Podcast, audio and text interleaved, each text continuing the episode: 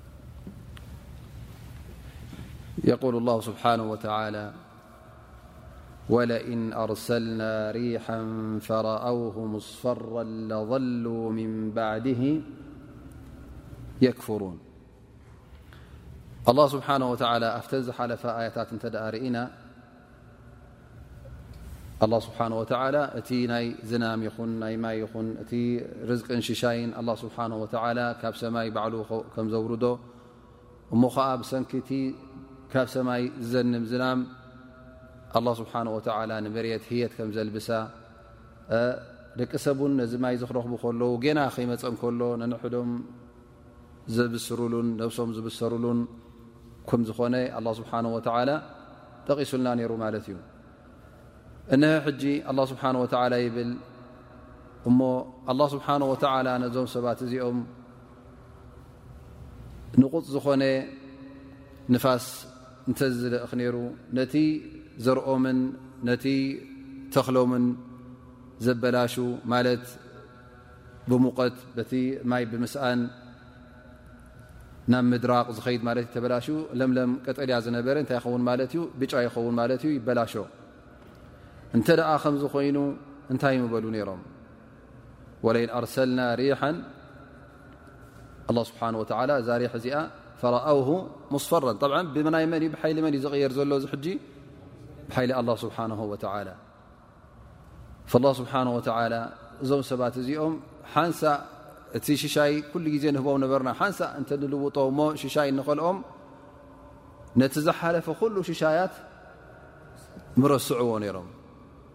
ካኑ የክፍሩን ኣይ የክፍሩነ ብኒዕመት ላ ለቲ ተቀደመት እቲ ዝሓለፈ ኒዕማ ዝረኽብዎ ዝነበሩን እቲ ዝሻይ ቅድሚ ሕጂ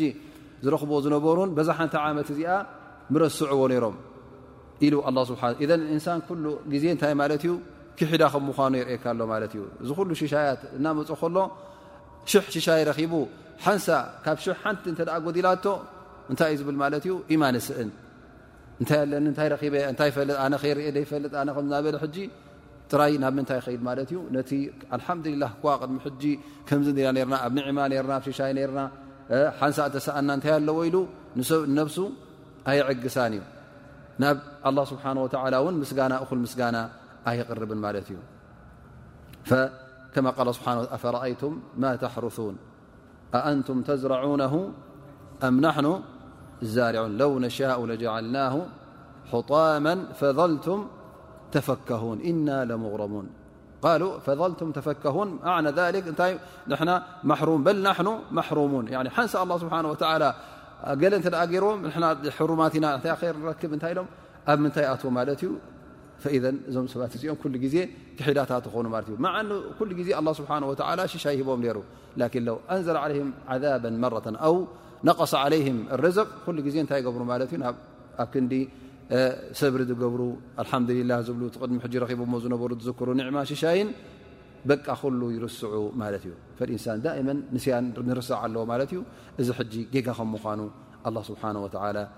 የርእና ኢዘ እተ ከምዚ ኮይኑ ወዲ ሰብ ድማ ኩሉ ግዜ እዚ ክሒዳ እተ ኮይኑ ወላ መኺርካ መኻክርካ እውን ኣይክጠቐሞን እዩ ማለት እዩ ፈላ የንፈዑ መዓም ዋዕዝ ወላ የንፈዑ መም ዳዕዋ ጌርካ ን ረቢ ፍር ገለ ክትብሎም ከለኻ እዚ ሰብ እ ከምዚ ዓይነት ኮይኑ ክሒዳ እተ ኮይኑ ሽሻይ ኣላ ስብሓን ወላ ብምስጋና ዘይቀበል እተ ኮይኑ እሞ ብዙሕ ሽሻያት ረኪቡ ከሎ ጥራይ እቲ ሓንቲ ሓንሳ ክልተሻዕ ዝጎድልኦ ናብአን ጥራይ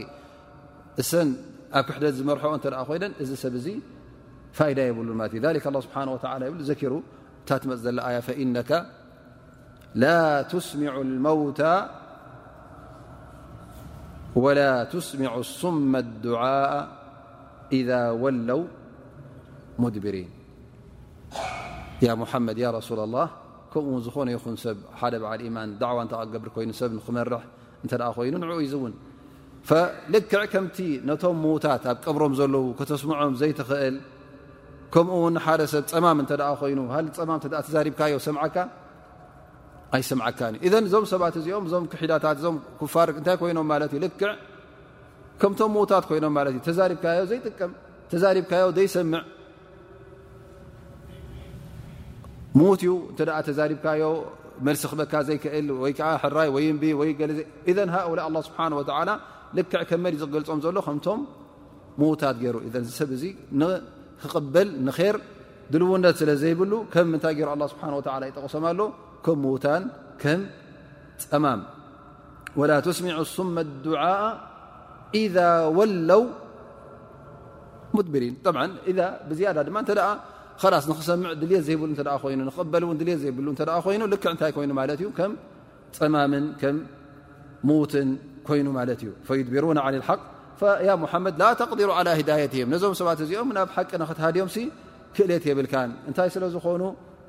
ንክሰምዑ ድልውነት የብሎምን ንክቕበሉ ነቲ ሓቂ ብናይ ተቐባሊ ልቢ ይሰምዕዎ የለውን ምክንያቱ ሓደ ሰብ ንሓደ ዘረባ ክትሰምዕ ከለኻ እንተ ንክትኣምኖ ጥራይ ድሓ ዛረብ ሰምዖ ዚ ውፅና ና ዚ ሰሚዕና ዚ ነውፅኦ እ ትብል ኮንካ ወይ ብቀደሙ እስኻ ኣብ ልብኻ እታይ ኣለካ እዚ ሰብ ዝብሎስ ኣይክቕበሎን የልካ ኣብ ልብኻ ሓዲሩ ዚ ነገር እዚ ወላ ሓቂ ትዛረበ እንታይ ካ ክትገብሮ ማለት እዩ ትመልሶ ኣይትቕበሎን ኢኻ ትነፅጎ ኢኻ ኣስም ብቐደሙ እስኻ ንምንታይ ኻ ተዳሊኻ መፅእካ ዘለኻ ንኽሕደት እምበር ፅሩይ ልቢ ነፁህ ልቢ ወይ ከዓ እተ ሓቂ ኣለዎ ክንቅበሎ ሓቂ ተዘይብሉ እውን ንነፅጎ ኢልካ ይመፅእካን እዘ ብቐደሙ እስኻ መርገፅ ኣለካ ማለት እዩ መርገፅ ሕዝካ ክትቐርብ ዘለኻ እዚ መርገፅ እዚ ናይ ነፀጋ መርገፅ ነቲ ዛረበካ ዘሎ ዘረባ ንክትነፅግ ስለ ዝቐረብካ ድልውነት የብልካን ማለት እዩ ከ የቁል ስብሓን ላ ወማ ኣንተ ብሃዲ ዑምይ ዓን ضላለትህም ዕውር ዓይነ ስውር እተ ኮይኑ ሓደ እውን እተ ንዓ እዚ መገዲ ፅድፊ እናብልካዮ ከለካ እንታይ ኢለካ ኣይትምርሓና ኣነ ፈልጦ መገዲ ገዛይ እተ ኢሉካ እንታይ ትገብሮ ዝሰብ እዙ እሱ ባዕሉ ክፀድፍ ደሎ ማለት እዩ ይኣብሎ ሃኡላ ከ እዞም ሰባት እዚኦም ዕዉር እከሎ ዓይሩ ከሎ ከዓ መገዲ ጥፉእ ተጋጊ እዩ ዘሎ ሃል ተስጢዕ ያ ሙሓመድ ኣንተህዲ ሃኡላ እዞም ሰባት እዚኦም ድልውነት የብሎምን ንክኣምኑ ዕዉራት ከም ምኳኖም ኣይኣመኑን ፀማማት ከም ምኳኖም ውን ኣይኣመኑን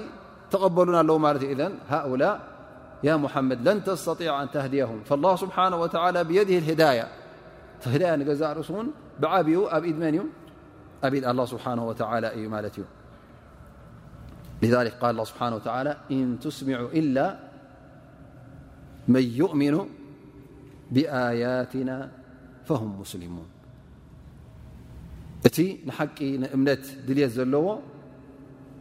ንሓቂ ክቕበል ድልውነት ዘለዎ ሰብ ንዕኡ ኢዱ ዝሃበ ንሱ እዩ ዝምራሕ ናብ ሓቂ እሱ ዩ ካ ዝሰምዓካ ሰሚዑ ውን በቲ ዘረትዛረብካዮ ዝጥቀም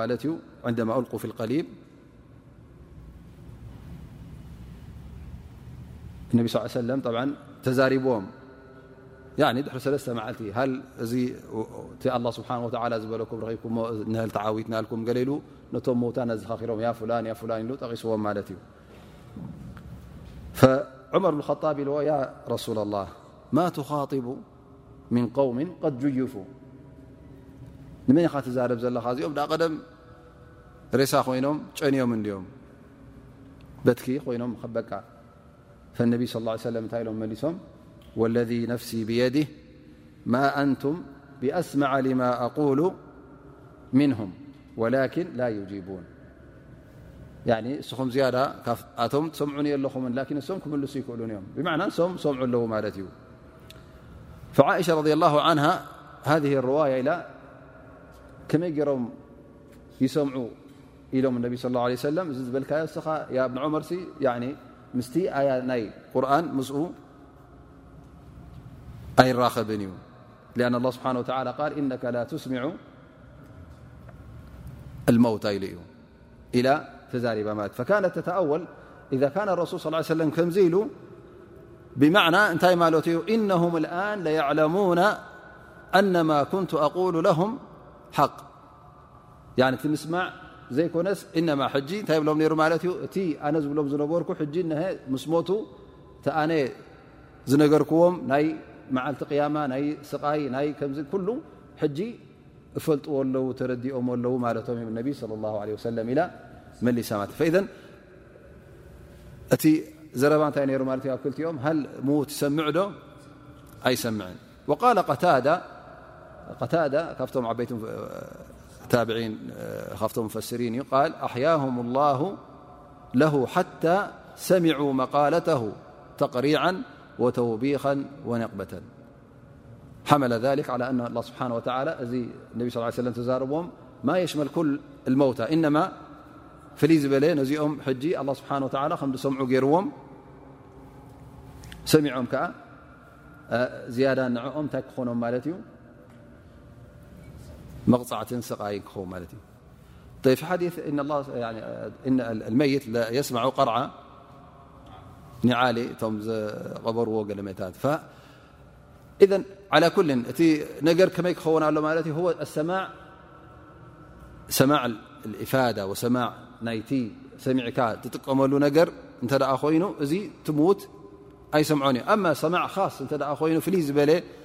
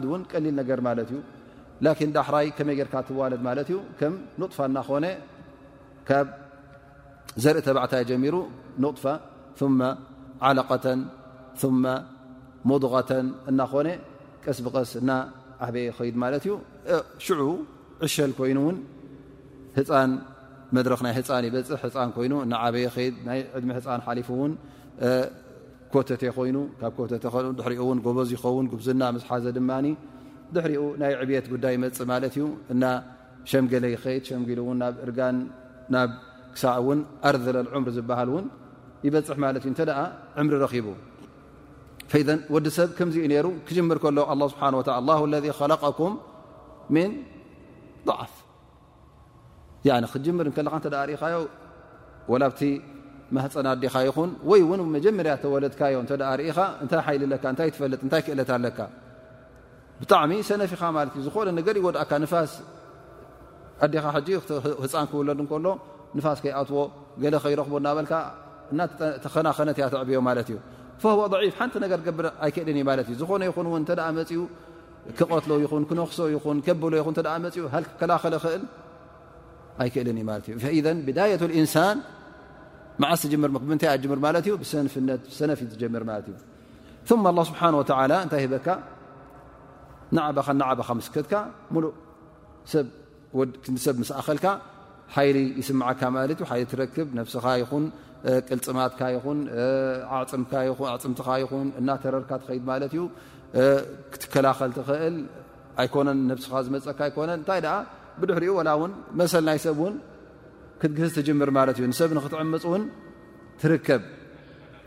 ተክተኮን ገና እንታይ ይመፀካ ማለት እዩ እቲ ሓይሊ ይመፀካ ማለት እዩ ድሕሪኡ ድማ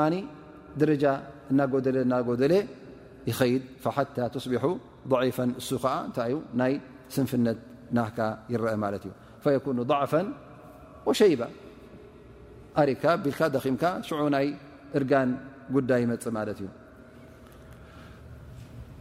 ስብሓ ወላ ይበይን ሆና ይል የክልቁ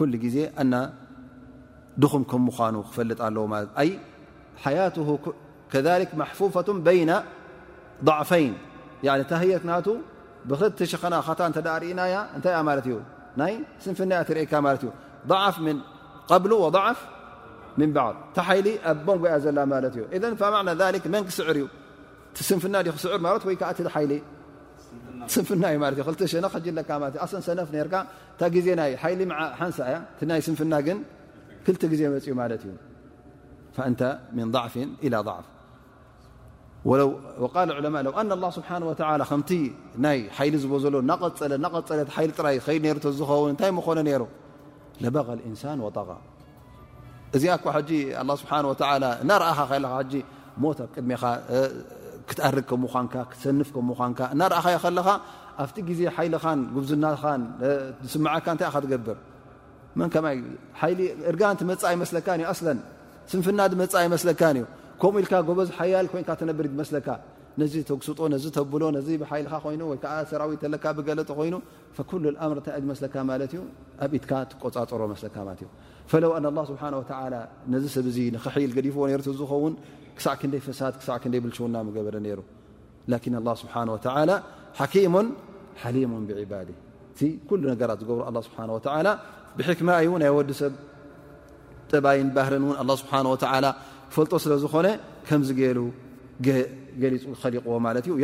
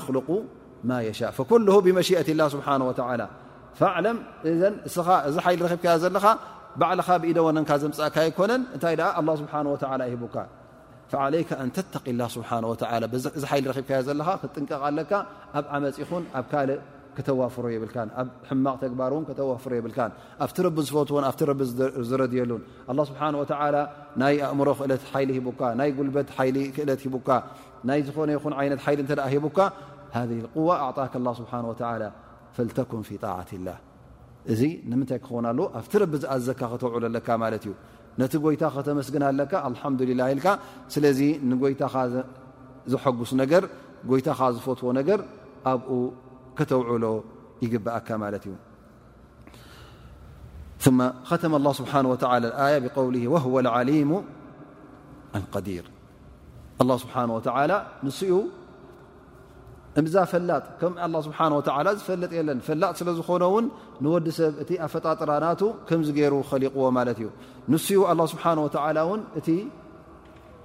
በዓል ክእለት ከም ክእለት ኣ ስብሓ ወላ ዘለዎ ፍጡር የለን ዲር ስብሓ ን የኽልቀኩም ሃ ሻኪላ ከምዚ ገይሩ ንክኸልቀልካ ዝኸኣለ መን እዩ ኣላ ስብሓን ወተላ እቲ ሰነፍ ነርካ ሓያል ክገብረካ ዝኸኣለ መን እዩ ኣላ ስብሓን ወተላ እቲ ሓይልኻ ዳሕራይ ዝሃበካ ሓይሊ ዝመንዝዓካ መን እዩ ኣላ ስብሓን ወተላ ክኢላ ስለ ዝኾነ በቲ ክእለቱ ገይሩ ሓይሊ ሂቡካ ሓይሊ ሕዲጉካ ሰነፍ ገይሩ ከሊቑካ ሓይሊ እውን ሂቡካ ሽዑ እዘን ኣላ ስብሓን ወተላ ንስኡ እምብዛ ፈላጥን እምብዛ ክኢላን እዚ'ዩ ኸኣ ወዲ ሰብ ኣንታ ወዲ ሰብ ኣብዛ ኣዱንያ እዚኣ ኣላህ ስብሓን ወተዓላ ንዓይ ኣምልኽ ዝብለካ ዘሎ ንዒባድኡ ኸሊቑካ ዘሎ ከምዚ ኢኻ ነርካ ስለዚ እንታይ ኾንከ ኢኻ ነዚ ጎይታኻ ዘይተኣምነሉ ከምዚ ከም ምዃንካ እንተ ትፈልጥ ኮንካ ስንፍና ናካ እውን ኣላ ስብሓን ወተዓላ ይነግረካ ኣሎ መንነትካ ኣላ ስብሓን ወተዓላ እነሀ ይገልጸልካ ኣሎ ማለት እዩ ኢዘን ምስቲ ሓያል ዝኾነ ምስ ክኢላ ዝኾነ ኣ ስብሓ ምስ ፈላጥ ዝኾነ ኣ ስብሓ ወላ ምስኡ ስለምንታይ ኣንፃሩ ትዋጋ ነቲ እሱ ዝበለካ ሕራይ እሽኢልካ ዘይትሰምዕ መገዲ ር ክሕብረካ ከሎ ስለምንታይ ዘይተቐበልካ ዮ ክትቅበሎ ኣለካ ማለት እዩ ላኪን እንሳን እንተ ርእና ኣክር ናስ እንታይ መሪፁ ማለት እዩ ክሕደት ይመርፅ ኣሎ ትእዛዝ ኣ ስብሓ ወላ ይነፅግ ኣሎ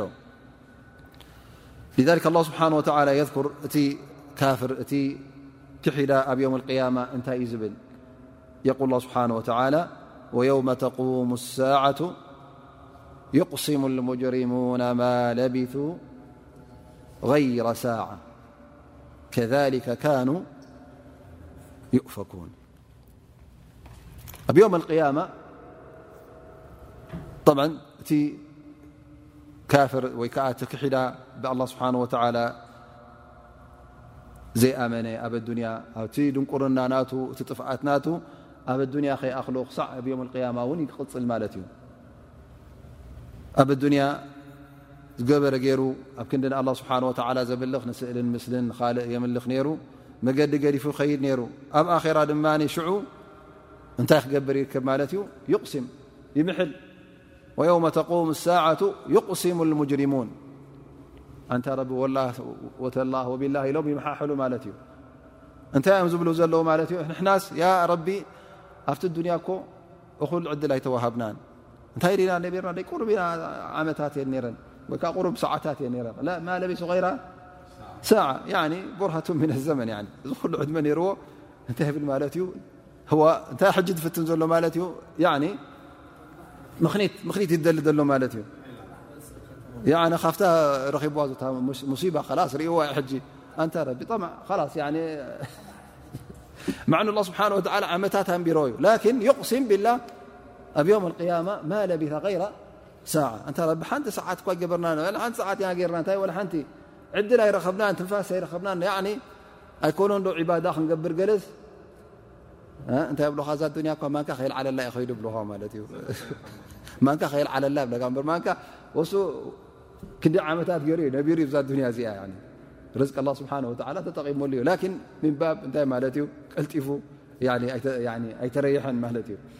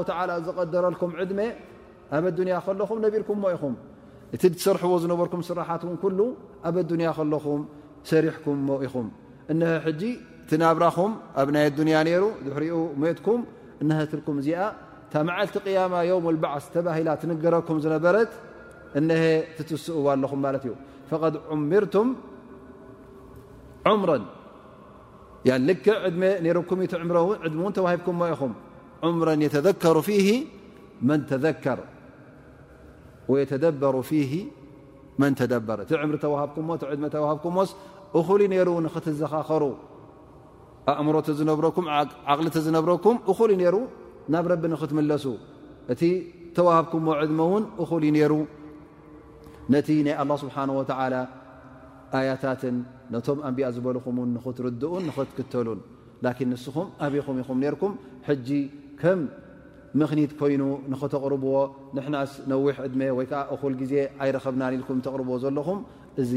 ሓቂ ኣይኮነን ላه ስብሓ ወተዓላ ካብታ ዝኸለቐኩም ክሳዕ እዛ መዓልቲ እዚኣ እንልኩም ተሲእኩማ ዘለኹም እኹል ዕድመ እኹል ዝኾነ ግዜ ተዋሂኩም ኢኹም እንተ ደኣ ክሒትኩም ኮንኩም ባዕልኹም ክሕደት ባዕልኹም ዝመረፅኩምዎ ኢኹም ወላኪነኩም ኩንቱም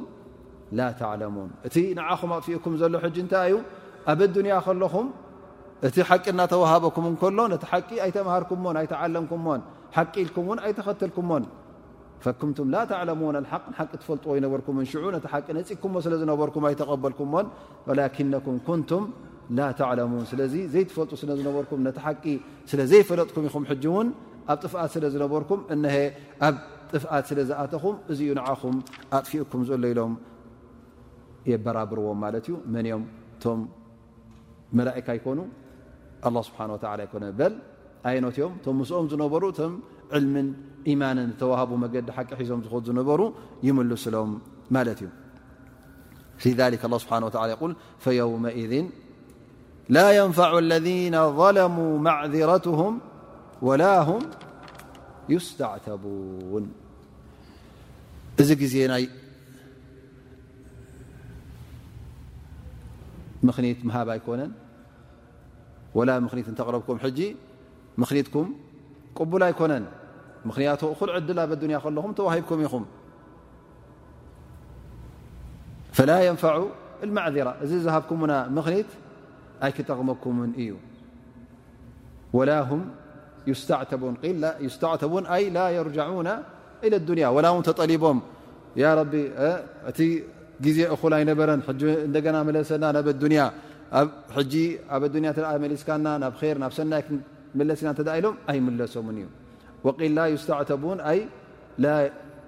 ዩዛሉ ታ እ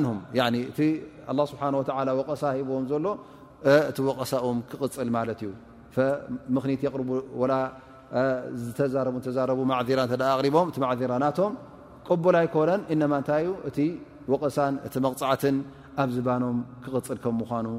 ስብሓ ይነግረና ኣሎ ማለት እዩ ፈየውመኢዝ ላ የንፋዑ ለذነ ظለሙ ኣይ ለማ ካኑ ፊ ዱንያ መዕذረትም የውም ኣልቅያማ ላስ ናይ ምኽኒት ምቕራብ እዋን ኣይኮነን እንታይ ደኣ ፃማኻ ካትቕበለሉ ሕጂ እንተ በዓል ር ኮንካ ትፃማኻ ር ክፀንሓካ እዩ እንተ ደኣ በዓል እከይ በዓል ጥፍኣት ነርካ ኮንካ እውን እቲ መቕፃዕቲ ትፃማ እቲ መቕፃዕትኻ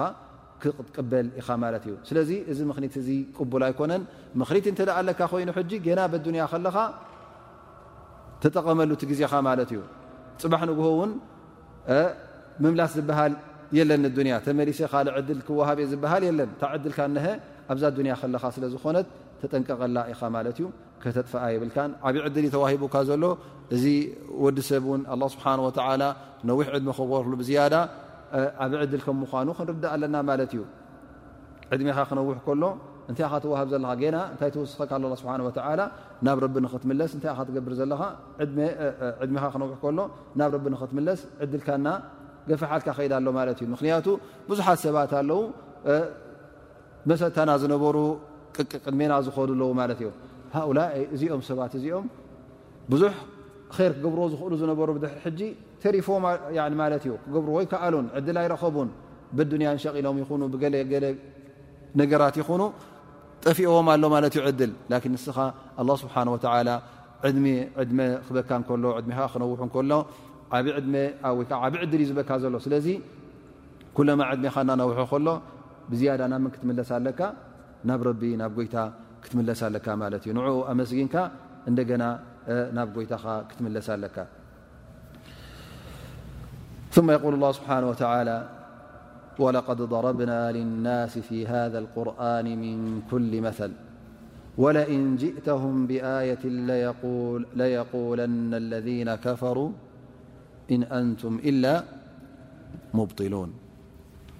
ኣላ ስብሓን ወተላ ንባሮቱ ኣብዛ ኣዱንያ እዚኣ እኹል መብርሂ ሂብዎም እዩ ኩሉ ነገራት ገሊፅሎም እዩ ስለዚ ኣብ ኣዱንያ ከለና ዕድል ኣይረኸብና ክብሉ ኣይክእሉን እዮም ኣን ላ ስብሓን ወላ ሁና የል ወለቀድ ضረብና ልናስ ፊ ሃذ ቁርን ምን ኩል መል ኣይ በየና ሓቅ ኩሉ ቲ ሓቂ ገሊፅናዮ ኢና ኣብሪህናዮ ኢና በቢ ዓይነቱ ኣበራርሃ ጌርና ውን ገሊፅናሉ ኢና እቲ ክርድእዎ ዘይክእሉ ከም ዝርድእዎ ጌርና ውን ኣቕሪብናሎም ኢና ላ ስብሓን ወ እተ ርእና ኣብ ቁርን ተ ርእና ደረ ላ ደረ ለ መ ከምዝታት እናበለ ኣ ስብሓን ወላ ብዙሕ ነገራት ተመሳሳሊ ነገር እናገበረ ገሊፁልና እዩ በትን በትን በትን ርድኦ ኣላ ስብሓን ወተላ ነታ ሓንቲ ጉዳይ እውን ኣላ ስብሓን ወተላ ሓንሳ ጠቒስዋ ሱቕ ኣይበለን ክልተ ሰለስተ ሻዕ ደጋጊም እውን ይጠቕሰልና ማለት እዩ ኣንቢያ ልኢኹ ነዚ ኣብ ቁርን ዝነበረ እውን ነቢና ሓመድ ስ ሰለም መፅኡ ይገልፆ ነይሩ ማለት እዩ መፅኡ ገሊፁ እውን ብተግባር ኣነቢ ለ ላ ሰለም የውዕሎ ነይሩ ንሱ ጥራይ ዘይኮነ እውን ኣላ ስብሓን ወላ ነቢና ሓመድ ብፆት ገይሩሎም ኣስሓብ ገይሩሎም ማለት እዞም ኣስሓብ ነቢ እንታይ እዮም ዝገብሩ ነይሮም እቲ ትእዛዝ ኣላ ስብሓን ወተዓላ ተግባር እውን የውዕልዎ ነይሮም እዘ ንዓና ሕጂ እቲ ጉዳይ ኣብ ቁርን ተገሊፁልና ማለት እዩ ኣብቲ ሱና ነቢ ለ ላ ለ ሰለም ነቢ ስ ሰለም ብቃሎም ገሊፆምልና ብተግባሮም ገሊፆምልና ብተግባሮም ጥራይ ዘይኮነ እውን ልክዕ ተራ ወዲ ሰብ ነዚ እስልምና እዚ ቀጥ ኣቢሉ ክሕዞ ከምዝኽእል እውን ኣላ ስብሓን ወተዓላ ኣብ መን ርኢናዮ ማለት እዩ ኣርእዩና ኣብቶም ሰዓብቲ ነቢና መሓመድ صለ ላه ለ ወሰለም ዝነበሩ እዘን ብድሕሪኦም ዝመፅእ ብድሕሪ ነቢና ሓመድ ስ ሰለም ዝመፅእ ብድሕሪ ዞም ብፆት ነቢና ሓመድ ስ ሰለም ዝመፅእ ሰብ ሃል እዚ ዲን እዚ ክትግበር ዘይከኣል ዲን እዩ እንተደኣ ኢሉ እንታይ ትብሎ ቅቡል እዩ ሕጂ እዙ ቅቡል ኣይኮነን ንኣን ቅድሜኻ ዝተግበርዎ ኣለዉ ሰባት ከማኻ ልክዕ እቲ ልኡኽ ኣላ ስብሓን ወተላ ዝለኣኾ መላእካ ነይሩ ተዝኸውን እቶም ብፆት ነቢና ሓመድ ስ ሰለም መላእካ ነይሮም ተዝኾኑ እንታይ በልካ እዚ ነገር እዚ ብጀካ መላካ ካልእ ዝኽእሎ የለን ምበልካ ርካ ላኪን ኣላ ስብሓን ወተላ ኣብነት ኣምፅልካ ማለት እዩ እነሀ ኣብነትካ ዝዓበየ ኣብነት ነቢና ሓመድ ለ ላ ሰለም እቶም ካልኦት ከዓቶም ዝተሓቱ ኣብነት ከዓ ልክዕ ተራ ዝኾኑ ናይ ልኡክነት ብልጫ ዘይረኸቡ ተራ ሰብ ከማኻ ዝኾኑ ኣላ ስብሓን ወተላ እቶም ኣስሓብ ነቢ ብፆት ነቢና ሓመድ ሰለም ንትስልምና ከተግብርዎ ርኢኻዮም ማለት እዩ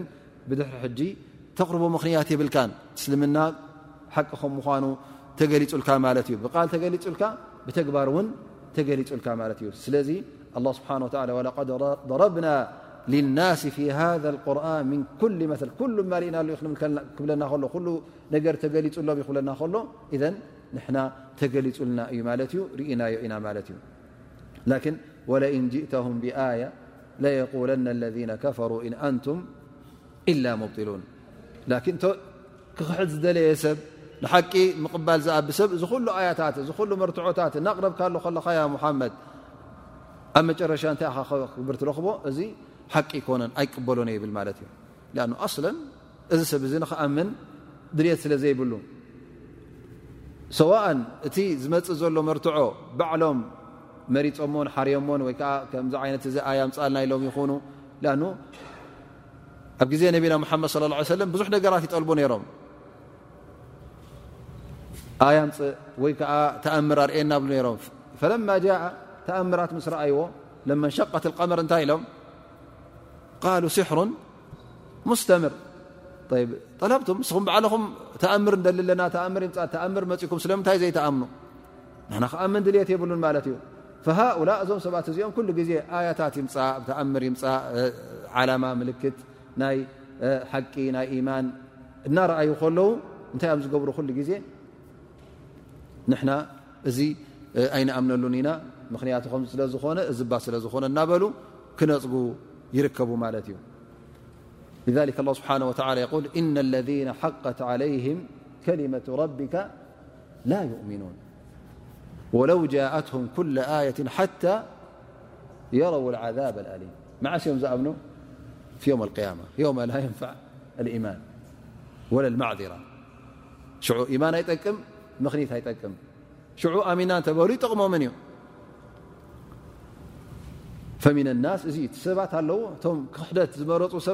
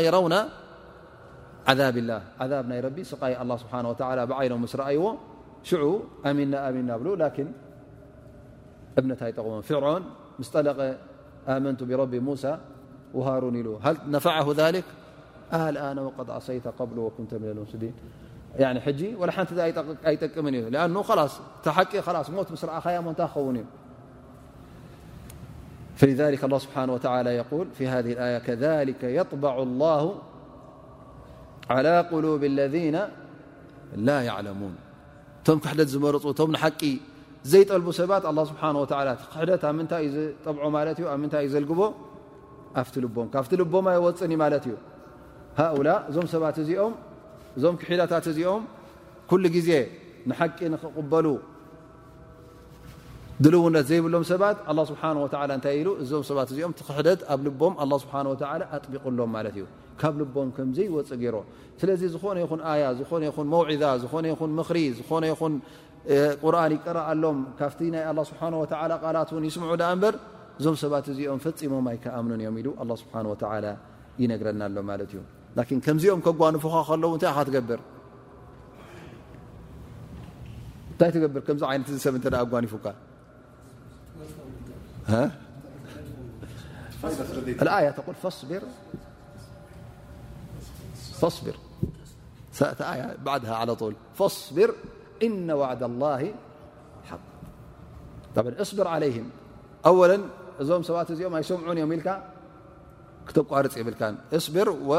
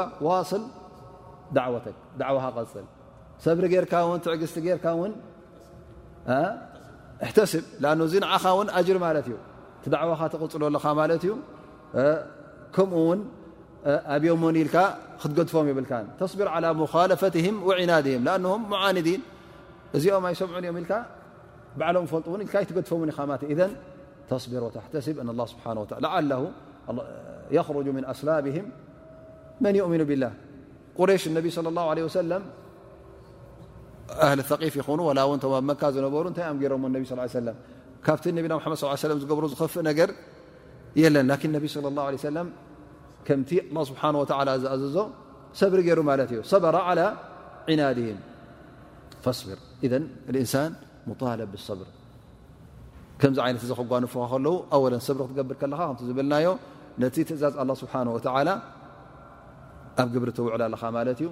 ንዓኻ ውን እዚ እንታይ እዩ ዝበካ ፅቡቕ ታሽሙ እዩ ዝበካ ማለት እዩ ኣን ላ ስብሓ ሰብሪ ግበር ስለ ዝበለካ ወሰብር ሁና ረበጠ ላ ስብሓ ወላ ብማذ እነ ዋዕዳ ላ ሓቅ ብመዕና ሊክ እስኻ እዚ ወላ ውን እናጓናፈካ ከሎ እተ ሰብሪ ጌርካ ኣብ መጨረሻ መን ዩ ክዕወት ሳሕበ ሓቅ እንተ ሓቂ ሒዝካ ዘለኻ ንስኻ ክትዕወት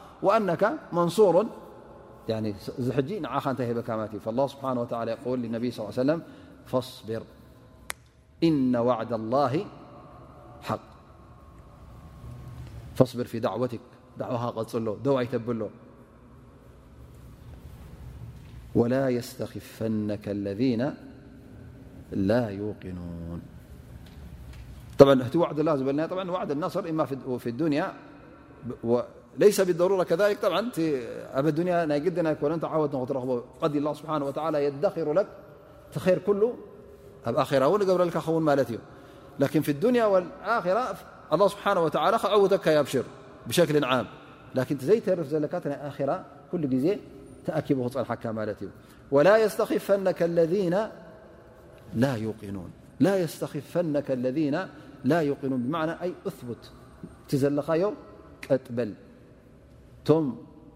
ኢማን ዘይብሎም ሰባት ካብቲ ዘለኻዮ ኢማን ከፋኹሱኻ ይፍትኑ ኦም እሞኒ ንኦም ኣይትከተል ንኦም ኣይትስማዕ ኣ ባ ኣሕያን ሓሓደ ግዜ እቲ ባጥል ክትሪኦ ከለኻ እንታይ እዩ ዝኸውን ንሱ ስለ ዝዕብልል እንታይ ኻ ትብል ማት ኣነ በይናይ ኣለኹ ብሓቂ ማለት እዞም ኩሎም ኣብ ጌጋ ኣለዉ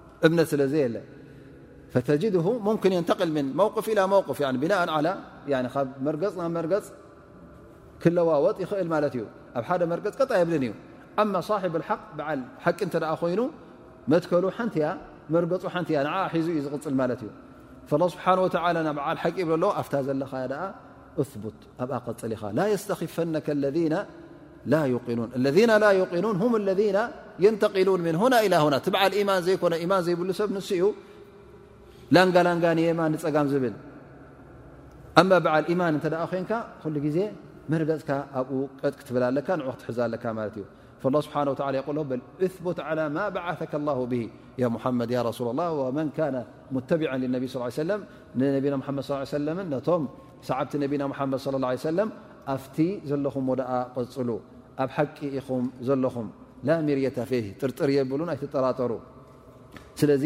ካብዚ ናብዚ ኢልኩም ንክትለዋወጡ ወይ ከዓ ካብቲ ናፍትኽ ንክትከዱ ኣይትፈትኑ ማለት እዩ ሃኡላ እዞም ኣህል ልባል ካብቲ ዘለኹም ሓቂ ንኸልግስኹም ካብኡ ንኸርሕቕኹም ለይትን መዓልትን እዮም ዝፍትኑ ዘለዉ ስለዚ ካብቲ ሓቂ ክትርሕቁ የብልኩምን ነቲ ሓቂ ሓዝዋ እዩ ዝብለና ዘሎ ኣላ ስብሓን ወተላ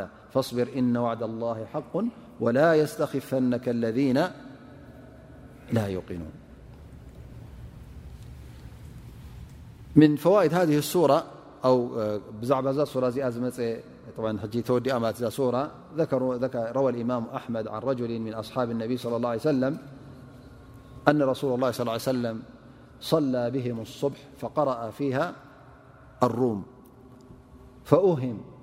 فقال إنه يلبس علينا القرآن أن أقواما منكم يصلون معنا لا يحسنون الوضوء فمن شهد منكم الصلاة معنا فليحسن الوضوء النبي صلى اله عليه سلم في هذه الرواية صلاة الصبح وصلاة الفجر اناس ل صورة الروم ريئم نرخل أزرا ተጋግዮም ማለት እዩ ዳሕራይ ድሕሪ ሰላት ተዛሪቦሞም ማለት እዩ እዚ ቁርን እዚ ሓንሳእ ንጋገ ምክንያቱ ድማ ገለ ካባካትኩም ኣለዉ ክሰግዱ ከለዉ ምሳና ውዱእ ክገብሩ ከለዉ እኩል ውዱእ ዘይገብሩ ስለዚ ንሰላት ክመፅ ከሎ ካባኩም ሰባት ንሰላት ክቀርቡ ከለዉ ምሳና ክሰግዱ ጀማዓ እተ መፅኦም